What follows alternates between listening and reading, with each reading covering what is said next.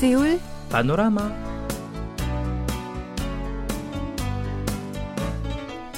أيها الأصدقاء الأعزاء السلام عليكم ورحمة الله وبركاته. أهلا وسهلا بكم مستمعينا الكرام في حلقة جديدة من برنامجكم اليومي سيول بانوراما. كيف حالكم اليوم؟ نتمنى أن تكونوا بكل خير أينما كنتم. نعم. سيصادف عيد الحصاد الكبير تشوسوك يوم العاشر من هذا الشهر وستبدأ إجازة العيد يوم الجمعة القادم في كوريا. وقد اتضح أن ثماني من بين كل عشرة شركات كورية ستمنح موظفيها إجازة في العيد لمدة أربعة أيام أي من يوم الجمعة من هذا الأسبوع وحتى يوم الاثنين من الأسبوع القادم. ووفقا لنتيجة مسح أجراه الاتحاد الكوري لرجال الأعمال مؤخرا على 794 شركة كورية للتعرف على وضع إجازة عيد التشوسوك لعام 2022 أجابت 95% منها. بأنها ستمنع إجازة العيد لهذا العام. وقال 80% منها إنها ستخصص أربعة أيام لإجازة العيد بينما قالت 8% منها بأنها ستخصص أكثر من خمسة أيام للإجازة. كما أجابت 7% منها بأنها ستخصص ثلاثة أيام وقالت 11% منها إنها ستخصص أقل من ثلاثة أيام. في الحقيقة يعتبر عيد تشوسوك أحد أكبر عيدين تقليديين في كوريا.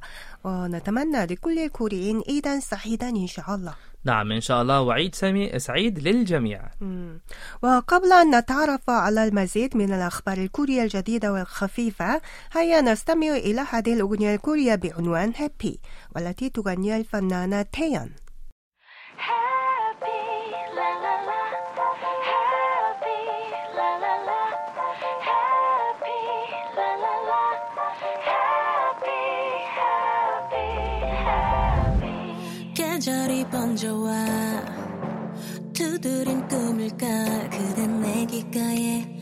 달콤하게. Tell me baby baby. 손꼽아 왔던 밤널 상상할 때마다 아무도 모르게 미소를 짓곤 해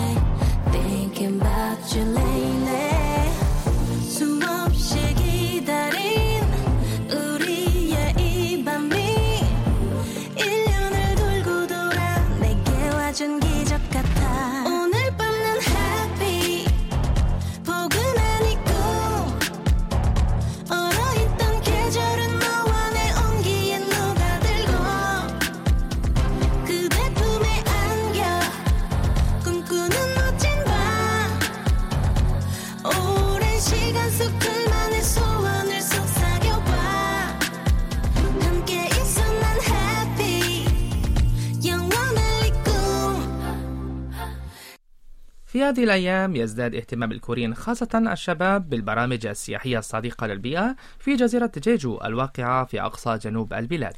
ووفقا لنتيجة مسح أخير أجاب 79% من الكوريين في فئتي العشرينيات وثلاثينيات من العمر بأنهم يفضلون البرامج السياحية الصديقة للبيئة.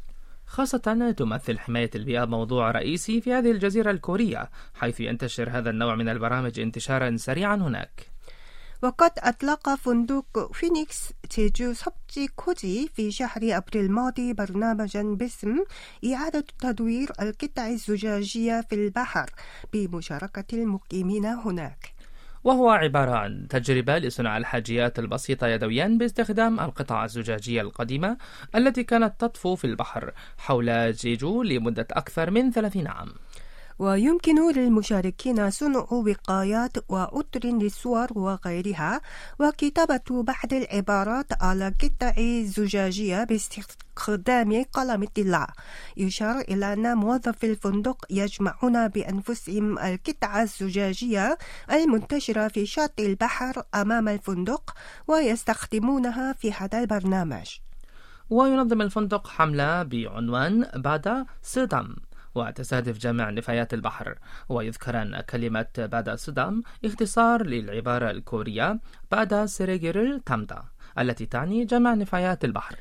وقد ظل الفندق ينفذ هذا النوع من حملات تنظيف البحر سنويا. وإذا جمعنا ووضعنا نفايات البحر في أكياس الحملة ثم أثبتنا هذا عبر مواقع التواصل الاجتماعي سيمكننا الحصول على مختلف الحاجيات اليومية الصديقة للبيئة وقال هو جانغ يول المدير العام للفندق إن الفندق يشارك في حماية المجتمع والبيئة من أجل السفر المستدام وسوف يواصل القيام بأنشطة حماية البيئة الممتعة وذات المغزى في المستقبل أيضا. وقد أدخلت إدارة أودو جزيرة أودو التابعة لجزيرة جيجو نظاما لإعادة تدوير الأكواب القابلة لإعادة الاستخدام وهو دفع ألف وون كرسوم ضمان للكأس القابل لإعادة الاستخدام عندما نشرب قهوة أو غيرها في المكاحي ثم نسترد رسوم الضمان عندما نرجع الأكواب باستخدام آلة خاصة.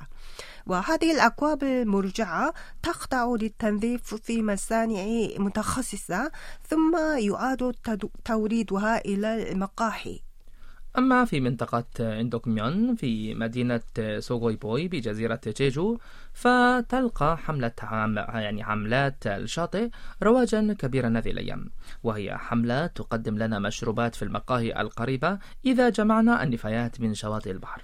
ويمكننا المشاركة في هذه الحملة كل أربعاء في شواطئ 황우치 ويونغموري وساغي في المنطقة وبعد جمع النفايات نحصل على عملات خاصة يمكننا بها شراء قهوة في المقاهي التي تشارك في الحملة أما الآن فدعونا نستريح مع هذه الأغنية بعنوان كوموري كوليجي أنن تو بارامتروم أي مثل تلك الرياح التي لا تعلق في الشبكة وهي بصوت الفنان باك تانغون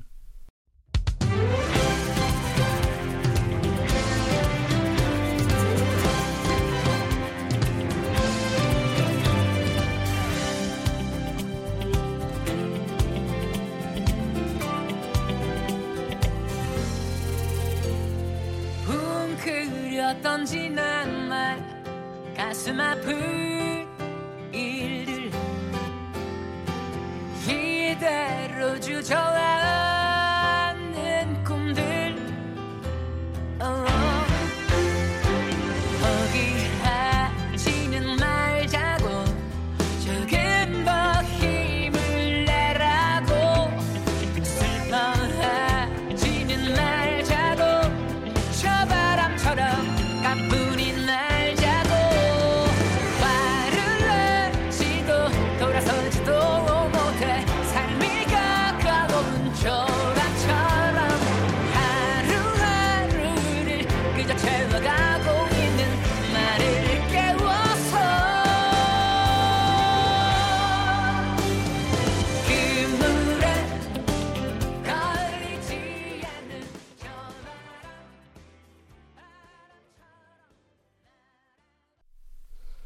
أصبحت من المعروف. قصة عائلة أودعت مبلغا كبيرا في مصرف جوهون التي الذي تحول إلى مصرف شينان حاليا في عام 1946 إلا أنها لم تتمكن حتى الآن من استردادها خلال جيلها الثالث.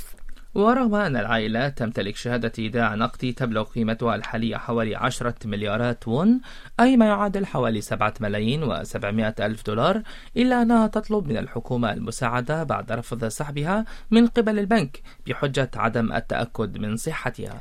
ووفقا لوكالة ينهب ريلانبا لا يستطيع السيد كيم جوجong الذي يبلغ من العمر 79 عاما والمقيم حاليا في منطقة يتشن بمقاطعة شمال كيونسان سحب هذا المبلغ الكبير الذي تركه والده في مصرف جوهون منذ عقود وترجع قصة هذه العائلة إلى فترة الاحتلال الياباني لشبه الجزيرة الكورية حيث سافر كيم جو جيم كيم جوشيك إلى اليابان في عام 1910 وكان عمره حينذاك 14 عاما وبدأ في العمل هناك. وعندما استقلت كوريا من الاستعمار الياباني في عام 1945 عاد إلى كوريا ومعه مبلغ من المال بالعملة اليابانية ين بعدما ظل يوفره رغم كل الصعوبات. وكان من الصعب عليه حفظه في منزله ولهذا زار فرع البنك في ييتسون وأودع ذلك المبلغ هناك وتلقى شهادة إيداع.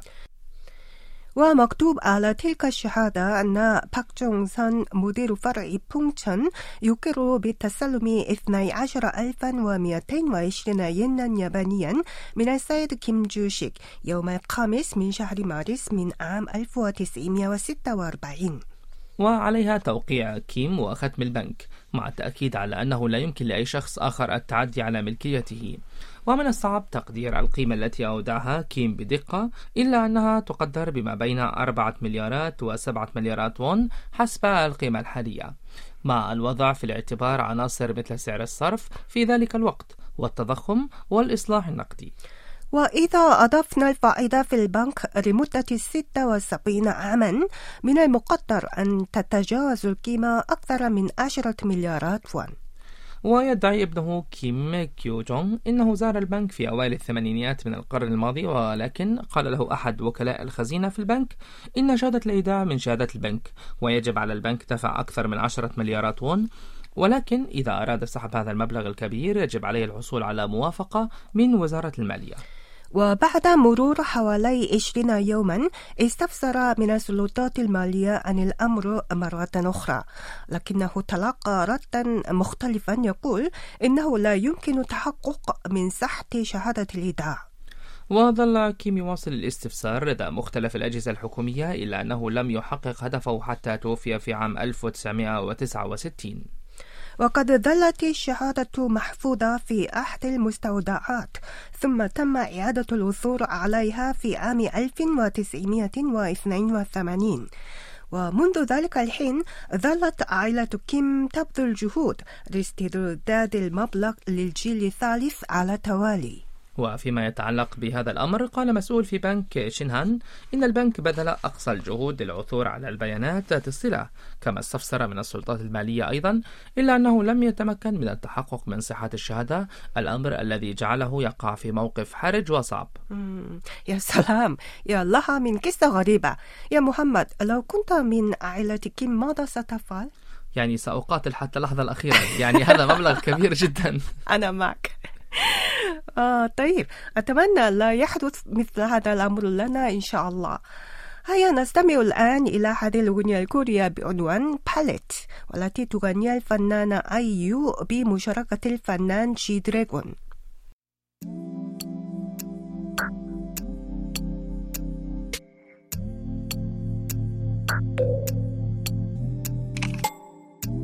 이상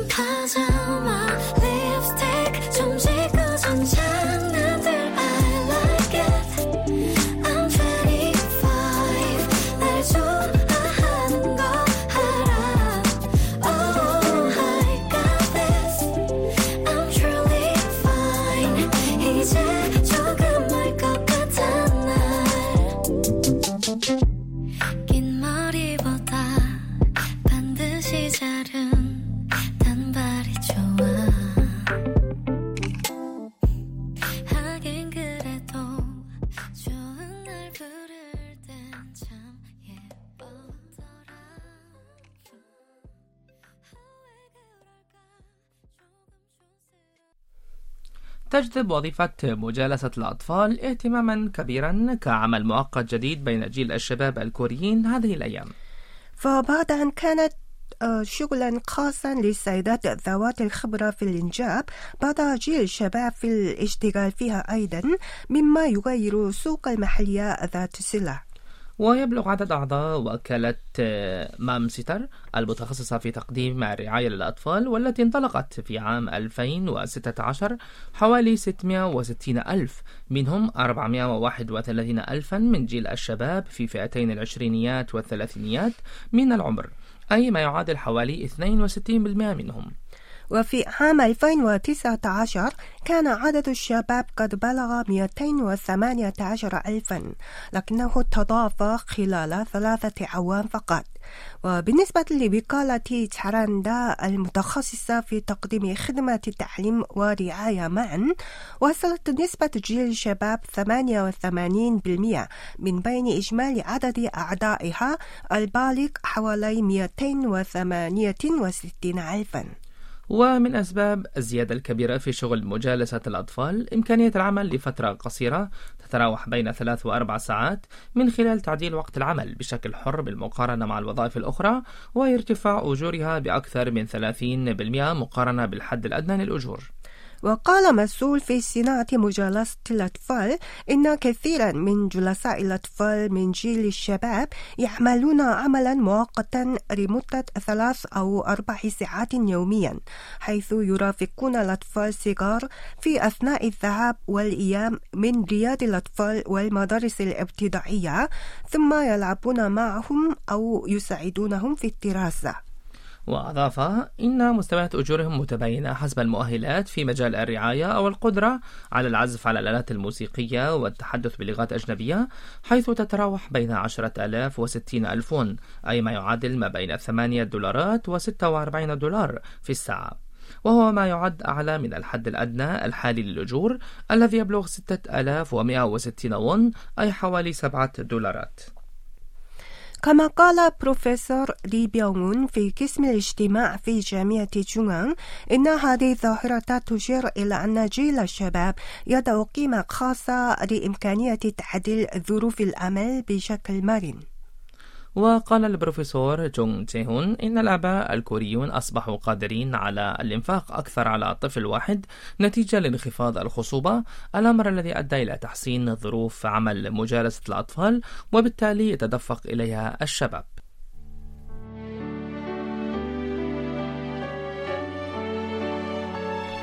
أيها الأصدقاء الأحباء هكذا نكون قد وصلنا إلى نهاية حلقة اليوم ونودعكم بهذه الأغنية بعنوان كريبكو كريبكو كريبتا. أي أشتاق وأشتاق إليك وهي بصوت الفنان كيويل شكرا جزيلا وإلى اللقاء إلى اللقاء 찢어질 것 같아서 어깨도 못 펴고 또 하루를 보냈어 눈물이 그냥 왈칵 쏟아질 것 같아서 미친 척 웃었어.